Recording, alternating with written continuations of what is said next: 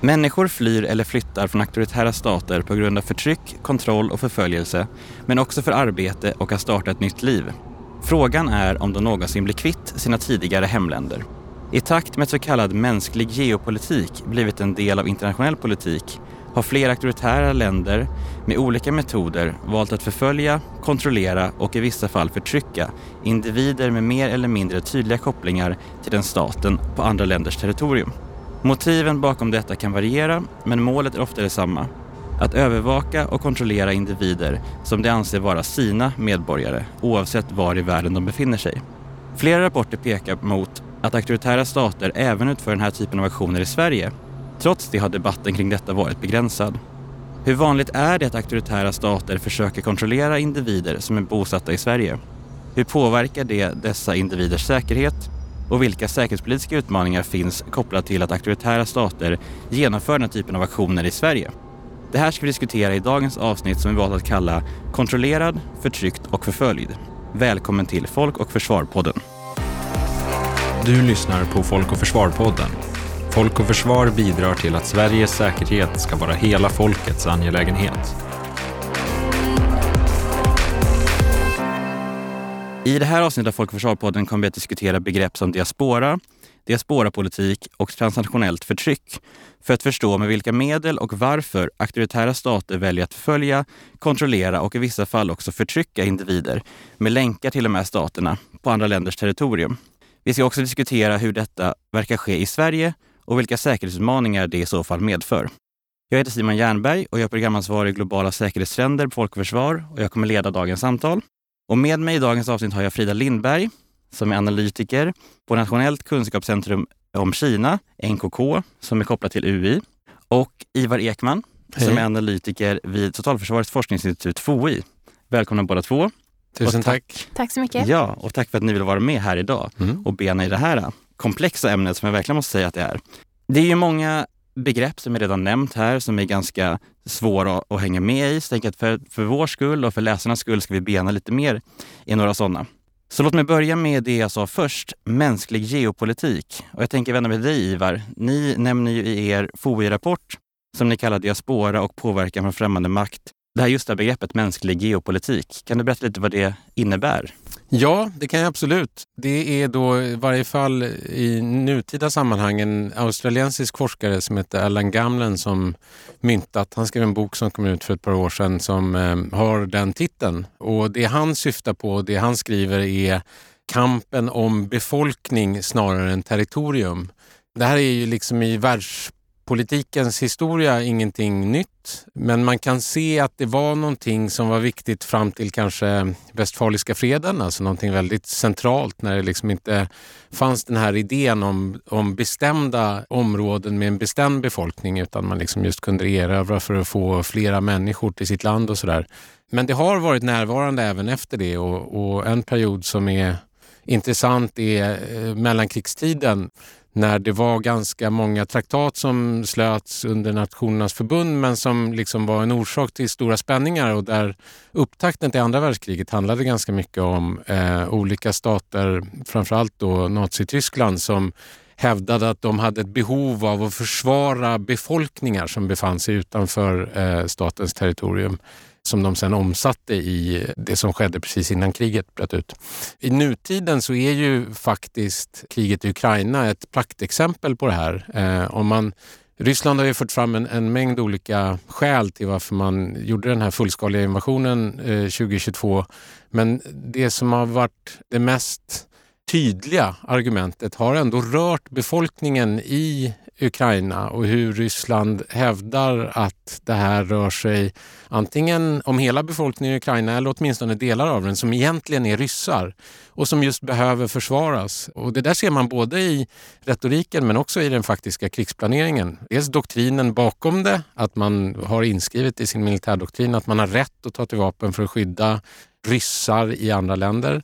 Och sen hur man planerade själva invasionen där man trodde att många fler ukrainare ville vara ryssar eller tänkte sig vara ryssar eh, och att det var ett av bakslagen. Att det tänkte inte ukrainarna själva.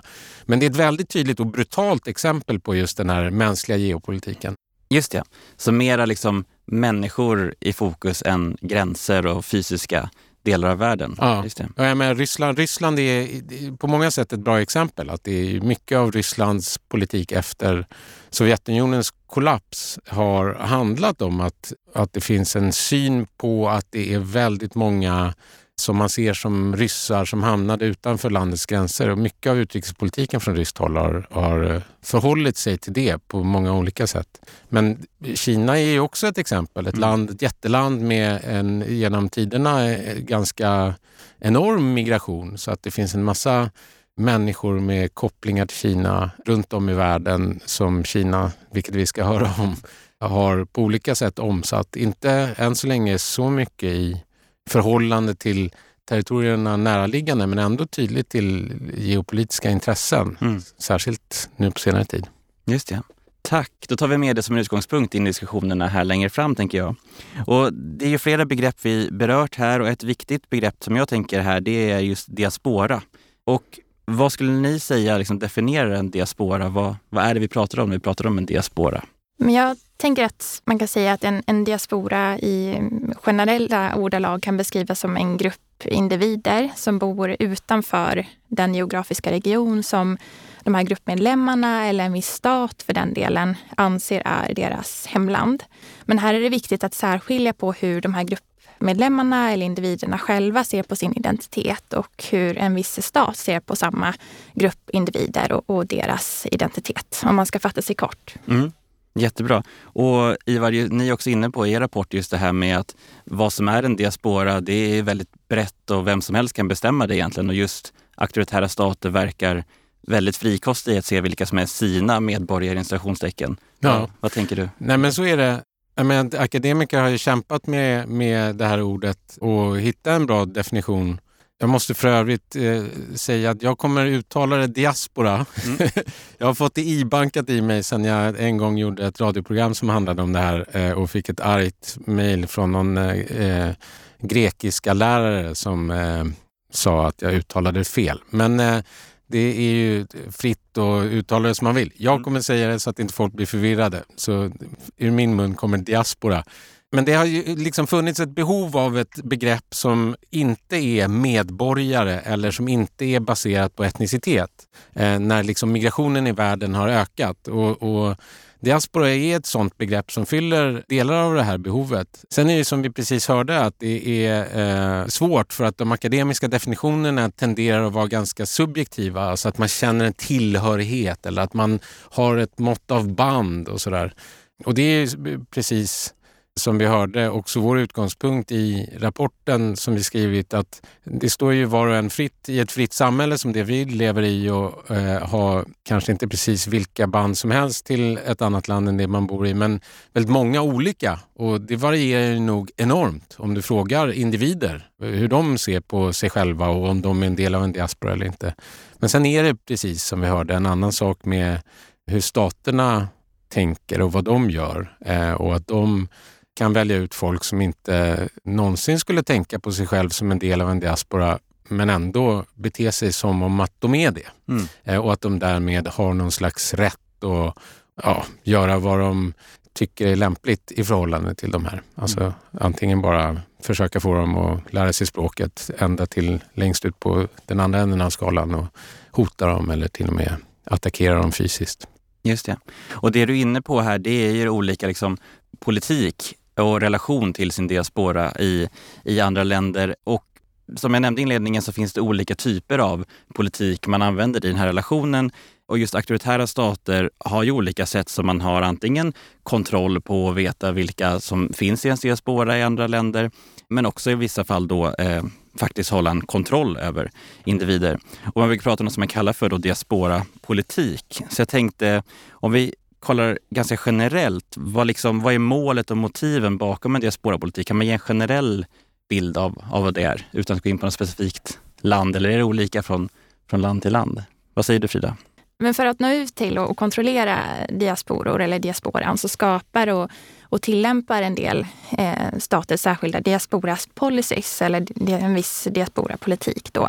Och här är det viktigt att förstå att diaspora policies då är selektiva på så vis att stater som tillämpar de här eh, diasporapolicyerna behandlar olika delar av diasporan på olika sätt.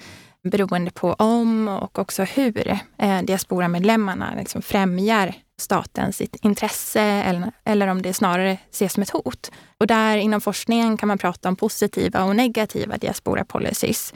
Om man börjar med positiva diaspora policies då, så kan de syfta till att få diasporan att agera i linje med eh, en viss stats intressen. Men det finns också då negativa diasporapolicies som och inom ramen för de här då används istället repressiva metoder mot diasporan. Det kan eh, till exempel handla om hot av olika slag. Och det kan man säga görs bland annat för att vidmakthålla eh, regimens egen säkerhet. Mm. Just det. Och det kommer komma in lite mera på när vi går över till mera förtryck och mm. repression sen. Mm. Iva, har du några andra tankar kring, kring det här?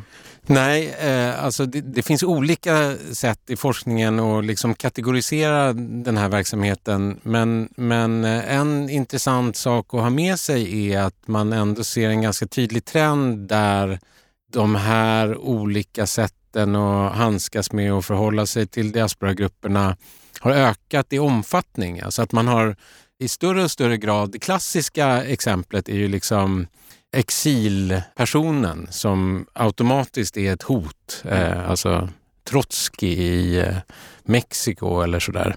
Och det var länge standard att det fanns, eller standard kan man inte säga, men det var väl länge det vanligaste att, att folk som hade gett sig av tänkte stater inte så mycket på och gjorde man det så tänkte man på dem i högst grad som ett potentiellt hot. Alltså att det var en opposition som organiserade sig i ett annat land. Sådär. Men det som har hänt under de senaste decennierna är ju dels eh, att en massa också icke-auktoritära stater har börjat organisera eh, sin politik för man har insett att det här, här finns en viktig både kulturell källa men också ekonomisk potential i människor som har lämnat. Alltså Mexiko har till exempel en väldigt aktiv diaspora-politik i förhållande till alla de mexikaner som bor framförallt i USA.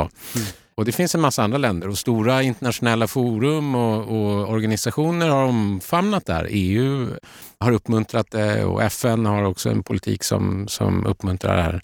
Men sen finns den här lite mörkare sidan som handlar om de auktoritära staterna som också har fått upp ögonen för det. Eh, och där är ju eh, Fridas expertområde, Kina är på många sätt ett föregångsland i det att man har utvecklat det här väldigt mycket och, och sett det som någonting prioriterat. Eh, och man kan se att andra länder har också börjat förstå att det här är inte bara ett hot utan det är också en potentiell resurs som man kan använda sig av. Just det.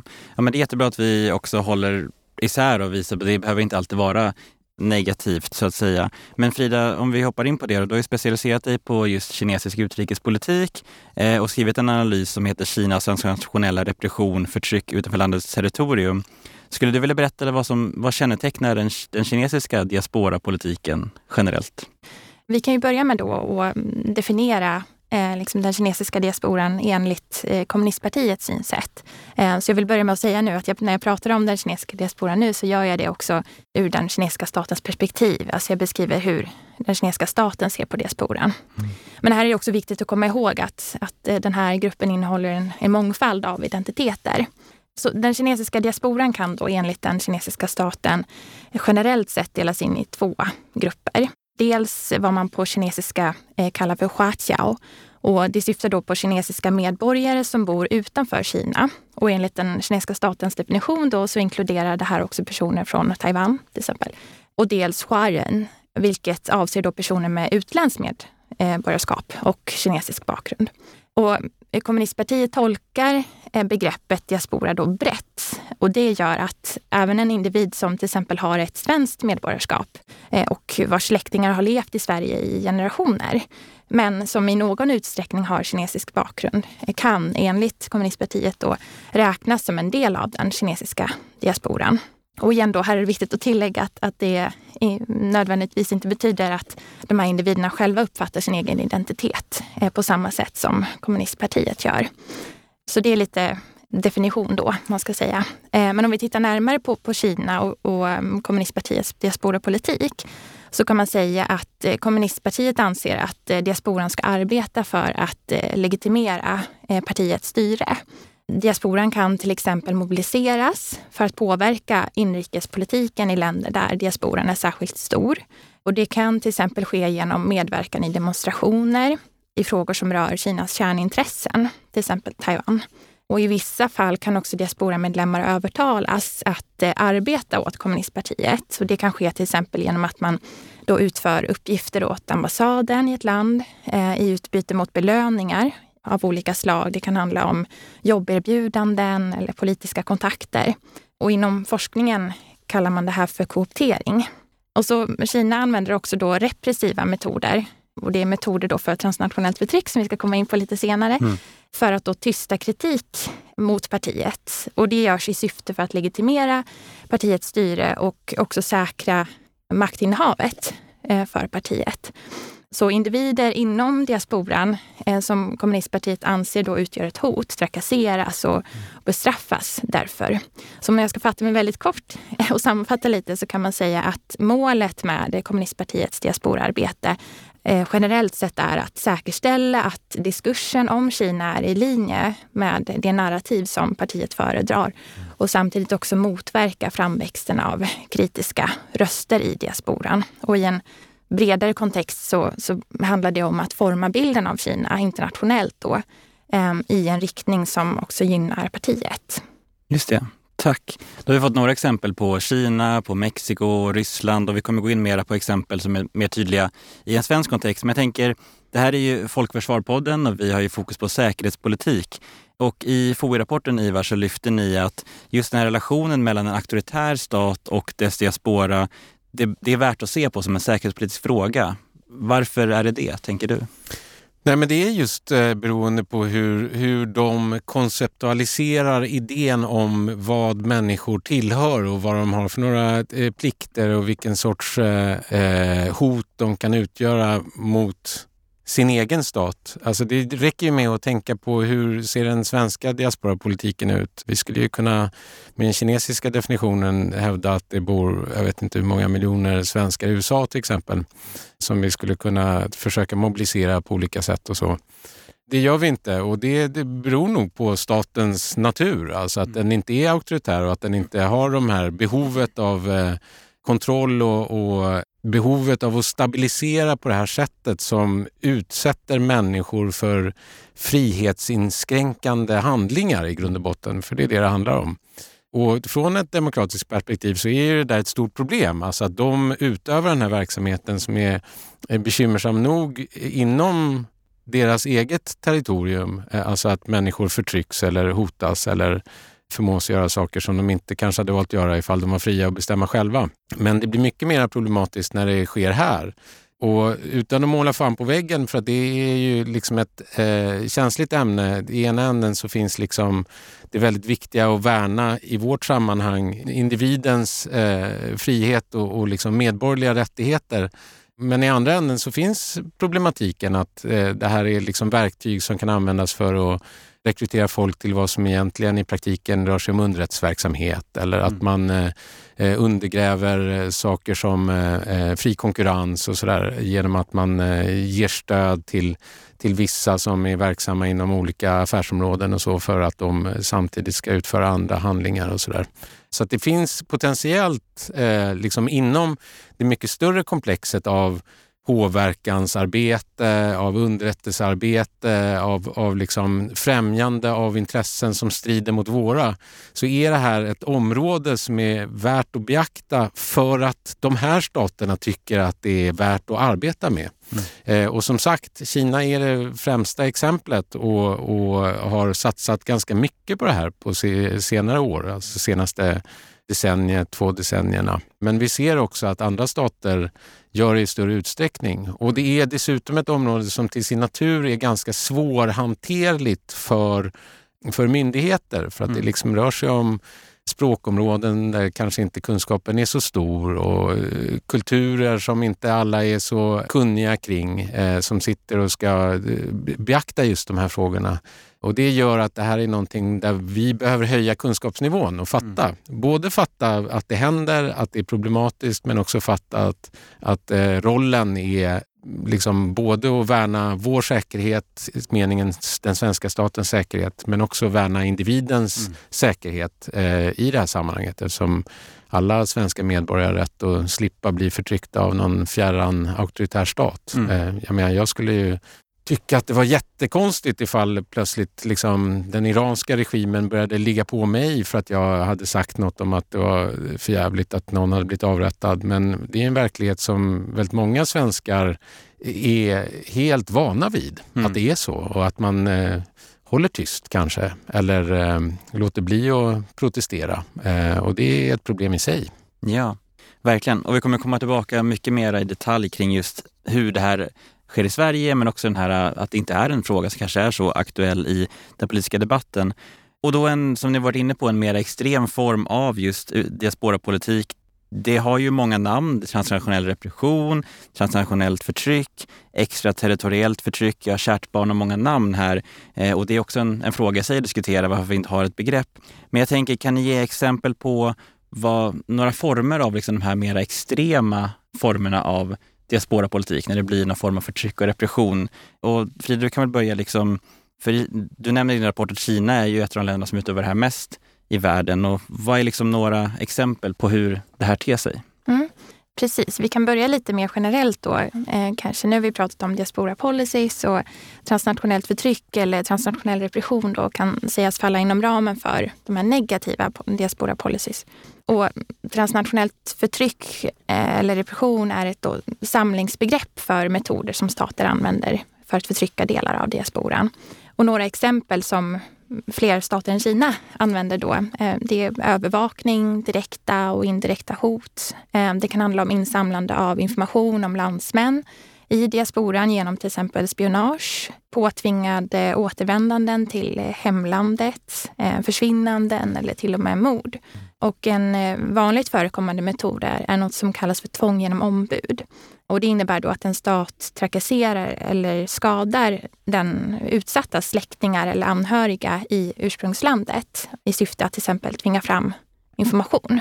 Och som, som vi var inne på alldeles nyss här också så är det viktigt att komma ihåg i det här sammanhanget att, att transnationell repression då inte bara är problematiskt för de individer som utsätts såklart, utan också ofta demokratiska staterna där de lever eftersom individerna hindras från att åtnjuta de fri och rättigheter som de här staterna garanterar eller åtminstone ska eh, garantera dem. Och som Ivar var inne på i början här också så är det allt fler auktoritära stater i världen som utövar det här förtrycket systematiskt för att tysta kritiker i diasporan.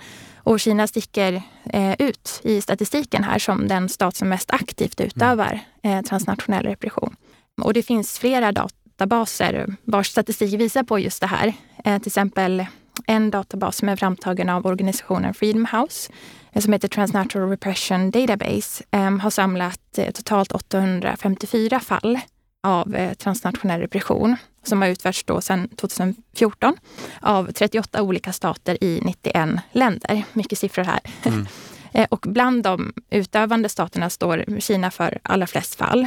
253 stycken. Och jämför man det med övriga mest aktiva staterna eh, så ser vi till exempel Turkiet som ligger på 132 fall, Tadzjikistan 64 fall, Ryssland 46 fall och så vidare. Och en annan databas som har fokus på Kinas transnationella förtryck mot individer i, med uiguriskt ursprung då, finns mer än 7000 fall. Där Kina då, det är sedan 1997, om jag förstått det rätt, då, har utövat den här repressionen mot uigurer i utlandet. Mm. Och 3000 av de här fallen har man sett har varit i Europa.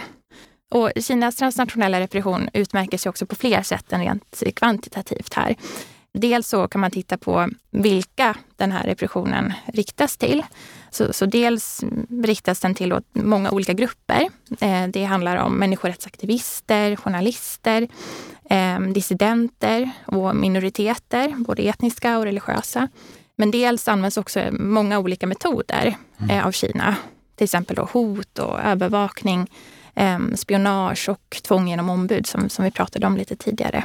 Ivar, vill du fylla på någonting om, om andra länder och eller kommentera på det som Frida sagt? Här ja, men det är väl värt att påminna om några fall som folk kanske känner till. Ja. Um, den här mannen som vaknade upp med en annan man som satt gränsle över honom med en hammare i högsta hugg och slog honom i huvudet och försökte döda honom. En eh, man från Tjetjenien som är en del av Ryssland eh, som överlevde den här attacken. Men det var ett tydligt exempel på på det här. Eh, Gui Minhai måste man ju säga är ett eh, välkänt exempel. Mm. En svensk medborgare som vid tillfället eh, 2015 befann sig i Thailand men som kidnappades och fördes till Kina och har eh, utsatts för vad som är en eh, helt illegitim inspärrning under alla de här åren med en massa olika påhittade eh, anklagelser riktade mot honom.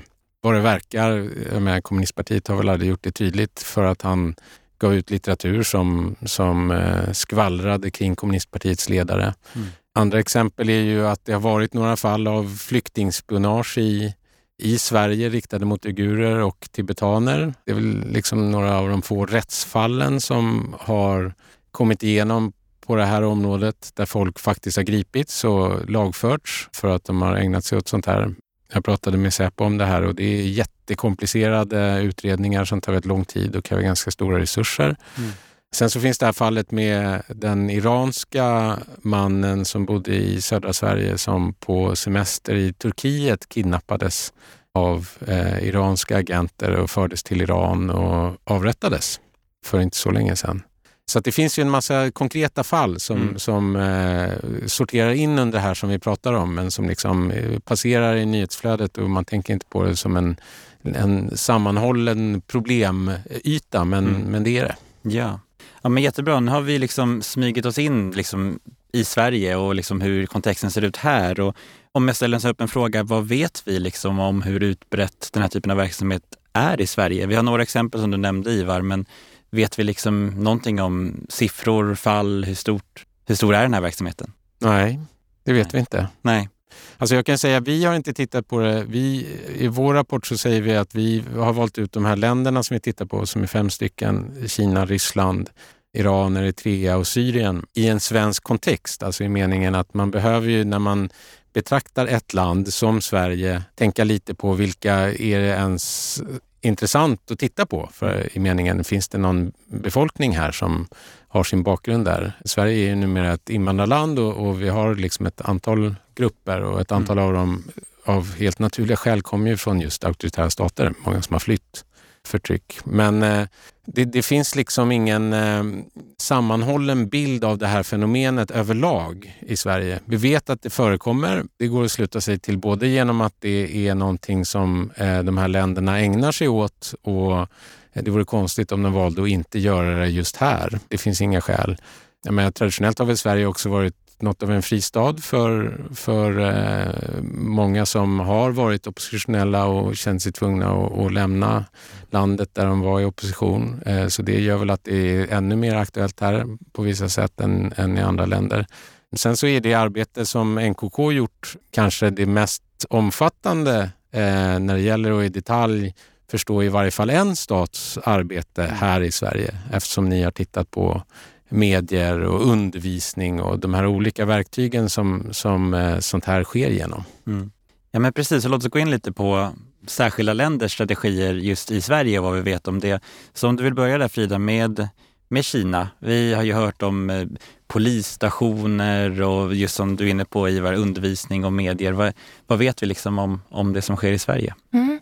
Jag kan börja med att säga att eh, det i dagsläget är svårt att säga hur utbrett Kinas transnationella repression är också, liksom andra länders. Eh, och det här kan ju delvis bero på att det finns en mm, tystnadskultur också bland de individer som, som utsätts för det här förtrycket. Eh, bland annat eftersom det finns en risk att släktingar och vänner och, och, och så vidare som befinner sig i Kina kan eh, utsättas och liksom skadas eller trakasseras vilket då kan hindra individer från att eh, vilja berätta.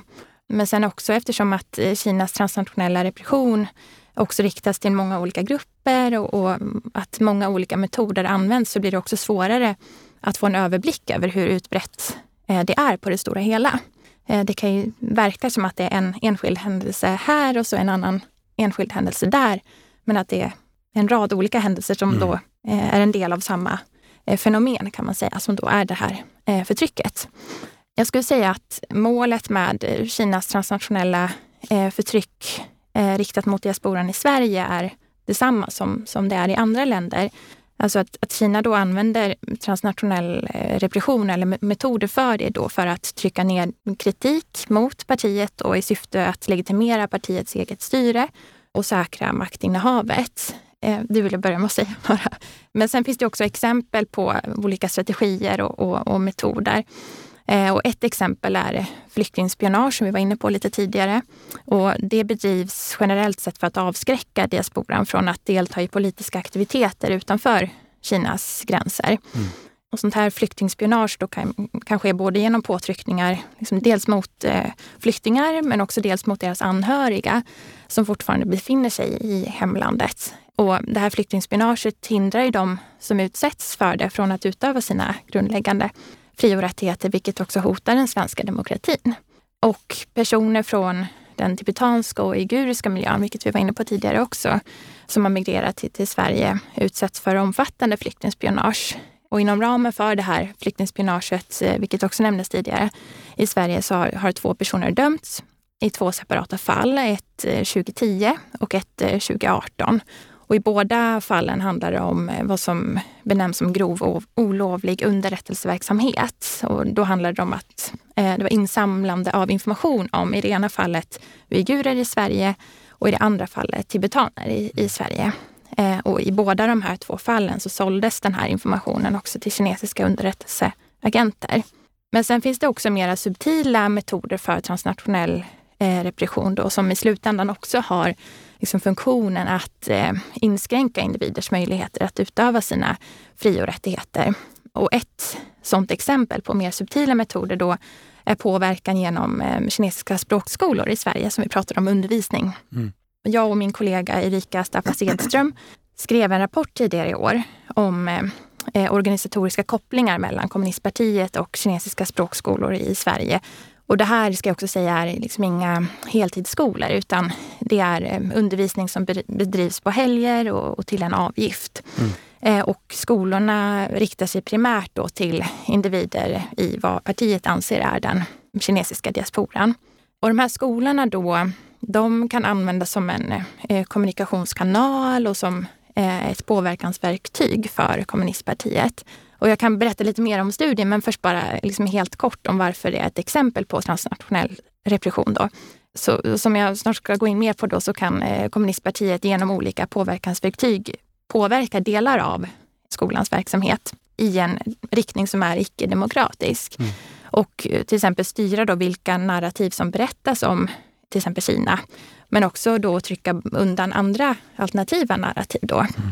Så 11 av 13 skolor som vi identifierade hade kopplingar till kommunistpartiet. Ehm, och vad innebär då att ha en koppling då? Jo, vi identifierade då fem verktyg som kommunistpartiet använde sig av för att påverka de här eh, språkskolorna. Då. Och det kan till exempel handla om eh, att eh, man tar fram riktlinjer och standardiseringar för hur utbildningen ska bedrivas.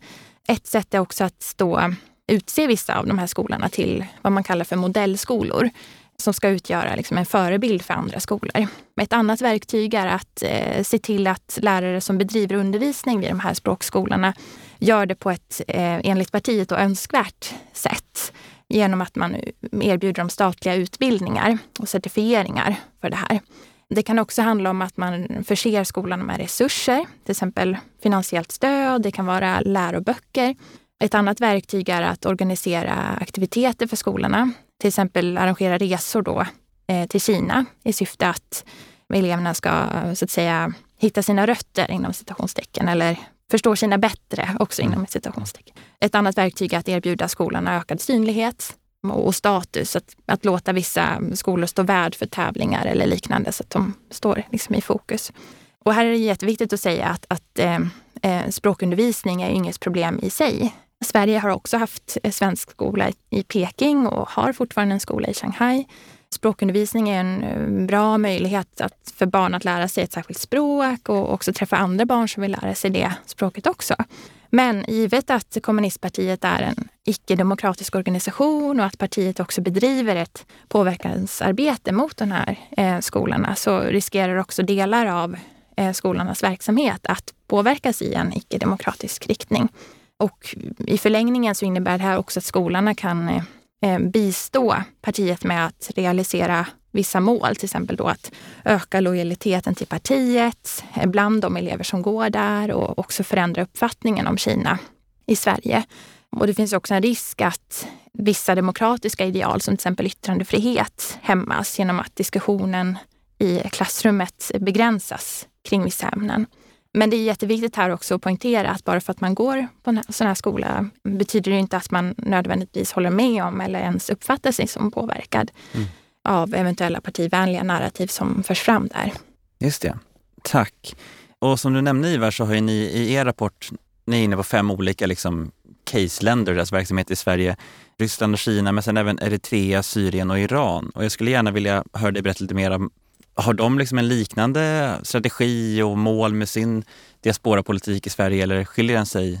Ja, först så måste jag säga att det, vi tittar inte specifikt på vad de gör i Sverige. Vi, vi eh, går igenom vad de gör ja. i allmänhet och sen så i den mån Sverige dyker upp i det material som vi eh, har som inte är att vi har varit ute bland folk, det skulle vi vilja göra och, och tagit reda på hur det verkligen ser ut på marken och i vardagslivet för svenskar som dras in i sånt här. Men det har vi inte gjort den här gången.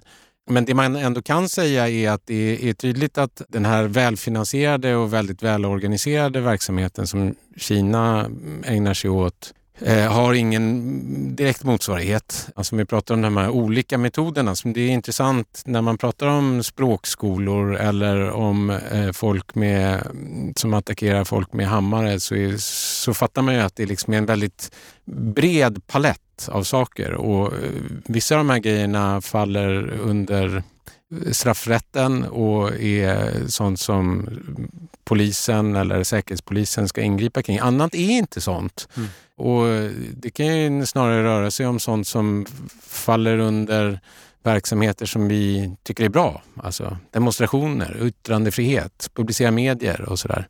Och då är det, ju, är det ju värt att tänka, vad är då sättet att komma åt det här om det ändå är ett problem. Eh, och då kan det ju kanske handla om att eh, snarare tillhandahålla alternativ än att liksom förbjuda för att då, då kan vi ju hamna i en situation där vi mera kommer att likna de här staterna som vi försöker undvika att likna. Mm. Det är bara värt att hålla i åtanke. Ja. Men om tittar man på andra länder så är det, det, det finns en tydlig variation men, mm. men det är alla kan man utgå från den här liksom rastret, att det finns ändå ett eh, givet antal kategorier av saker som de kan ägna sig åt. Iran är ett exempel på ett land som framförallt ägnar sig åt förtryck och som fortfarande har en ganska antagonistiskt förhållande till sin diaspora. Det är väldigt många som har gett sig av från Iran och många av de som har hamnat i Sverige som gav sig av i direkt opposition till eh, till teokratin där och deras verksamhet är framförallt riktad mot, inte att liksom knyta en så mycket närmare. De har, det, man kan inte bli av med sitt iranska medborgarskap. Det är ett sånt verktyg mm, till exempel mm. som handlar om att vi, ni hör fortfarande till oss, vad du än säger. Eh, vilket gör att det blir komplicerat att åka tillbaka och sådär. Men, men ser man vad de utför förhandlingar så är det mest eh, övervakning och hot och, och i vissa fall våld. Ett land som Eritrea har en väldigt, för att vara ett så litet land, väldigt utbyggd eh, diasporapolitik och har haft det jättelänge. Det hänger ihop med inbördeskriget där på eh, vad som då var inbördeskrig på 80-talet när de frigjorde sig från Etiopien. Men har blivit helt beroende ekonomiskt av diasporan och har liksom inrättat ett system som går ut på att folk är tvungna, ifall de ska ha någon kontakt med Eritrea, eh, även om de är medborgare i andra länder, att betala en skatt, en del av sin inkomst varje år det har uppmärksammats en del och det har liksom motionerats i riksdagen om att det ska eh, förbjudas och sådär. Men Eritrea är ett land som liksom inte ofta figurerar i säkerhetspolitiska sammanhang så att det har aldrig varit någon jätteprioritet att göra någonting åt det här. Men det är en stor betydelse för den här idag ganska stora gruppen svenska eritreaner. Syrien tar vi med mest som ett exempel på ett land som har haft en tradition av väldigt aktiv diasporapolitik som i viss mån inte varit så aktiv under eh, inbördeskriget här som har pågått sedan 2011. Men där det har kommit väldigt många till Sverige och staten finns kvar. Assad sitter fortfarande vid makten och det är inte omöjligt att föreställa sig att man kommer återaktivera en del av de sakerna som man har ägnat sig åt framöver. Så det är värt att hålla i åtanke eh, på det sättet. Ryssland är också ett land som, som eh, har utvecklat det här mycket på senare tid. Eh, inte med Kina som modell, men jag tror ändå att jag skulle gissa att man har sneglat mot att det här är någonting som Kina har prioriterat. Man har ju länge haft det här som jag pratade om tidigare, laddade förhållandet till de med rysk bakgrund som bor i andra länder och det har ju länge varit i närområdet en väldigt viktig del av utrikespolitiken. Nu har det ju blivit så att det är ganska många från forna Sovjet som pratar ryska. Ofta är språket centralt. Mm. I motsats till Kina till exempel, där det är mycket mer etnicitet och att det liksom finns blodsband på något sätt. För Ryssland är språket väldigt viktigt i hur man definierar diasporan. Och där har man också sett mycket mera att det liksom har, har börjat appliceras mera i påverkanssyfte, kopplat till kriget i Ukraina. Vi hade det här exemplet för några månader sedan med, eh, med det här riksförbundet där det uppmärksammades att de hade fört fram vad som var rysk propaganda kring vad som hände i Ukraina och sådär. Och det är ganska många människor också om man då räknar ihop alla de här som, som på något sätt har ryska som gemensamt språk, som lever i Sverige, både med uppehållstillstånd och illegalt eh, som kommer från forna Sovjet mm. eh, så är det en ganska stor grupp. Och nu har vi varit inne då på att det här är utbrett internationellt och vi vet att det sker i Sverige. Och vi kan också liksom se att det liksom finns både juridiska case som du var inne på Frida kring det här. Vad skulle ni säga, varför är det här inte en fråga som är mer debatterad och diskuterad i Sverige? Har ni några teorier och tankar kring det? Nej, jag tror att det är som, som Frida sa tidigare, att det, det finns en tystnadskultur. Jag skulle gissa att det finns också en känsla av att det just finns bristande förståelse hos myndigheterna. Mm. Alltså ifall någonting händer, vem vänder man sig till? Finns det en förståelse för att det här är ett problem och att man har verktyg för att göra någonting åt det? Det finns väl också en sån här ren representationsaspekt. Vi är ett invandrarland men, men liksom den här blandningen som Sverige består av har väl inte liksom eh, tuggat sig igenom alla institutioner än i varje fall. Eh, I den meningen att det liksom sitter någon som har förståelse för hur det är att eh, komma från ett land som Iran eller Eritrea och, och försöka leva ett fullödigt svenskt liv på sådana platser där man kan göra någonting åt det. Mm. Sen så tror jag att det just är, det är ett intressant eh, exempel på en problematik som är väldigt eh, myndighetsöverskridande. Det är, liksom, det är inte bara Säpo som kan lösa det här, för det är mm. ganska mycket som händer som inte är brottsligt. Yeah. Och det finns inget organiserat, ingen organiserad samverkan idag. Mm. Vilket väl också hänger ihop med att det liksom vuxit ganska snabbt, eh, både antalet människor som utsätts för det och problematiken i sig. Mm.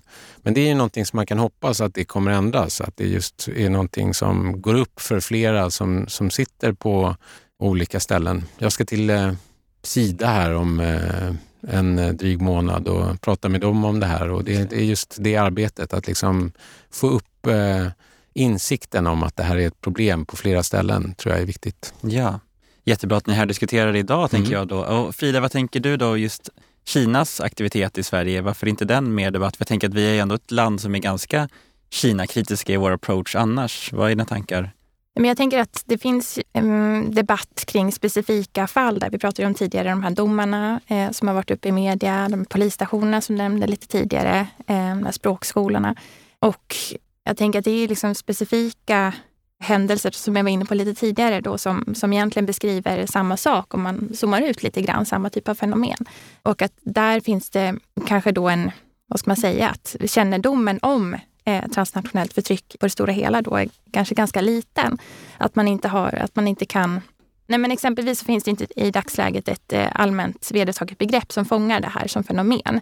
Och jag tänker att eh, avsaknaden av det här samlingsbegreppet då i, i debatten om, om auktoritära staters utövande av det, och inte bara Kinas då, utan, utan andra också, mot invånare i, i Sverige kan göra det svårare att, att eh, få en helhetsbild av problematiken. Och det kan ju också i sin tur hindra eller åtminstone fördröja åtgärder som man kan ta till för att motverka eh, den här repressionen som sker i Sverige idag. Och det kan ju också i sin tur göra det svårare för Sverige att eh, medverka eller vara med, delta i eh, den internationella debatten om det här. Mm. Det här handlar också om liksom, samverkan som du var inne på tidigare Ivar också. Mm. Mm. Ja, men det, och det är ju värt att lägga till där att eh, den här Allan Gamlen som som vi pratade om i början, som mm. använder sig av det här begreppet mänsklig geopolitik. Han identifierar ju det här problemet på den högsta nivån, alltså globalt. Där man kan konstatera att det är väldigt osannolikt att den här stora migrationen som vi har idag och som vi har haft under de senaste åren och decennierna, att den kommer minska. Mm. Sannolikt kommer den fortsätta öka. Och att det här är en problematik som egentligen skulle behöva tas om hand på internationell nivå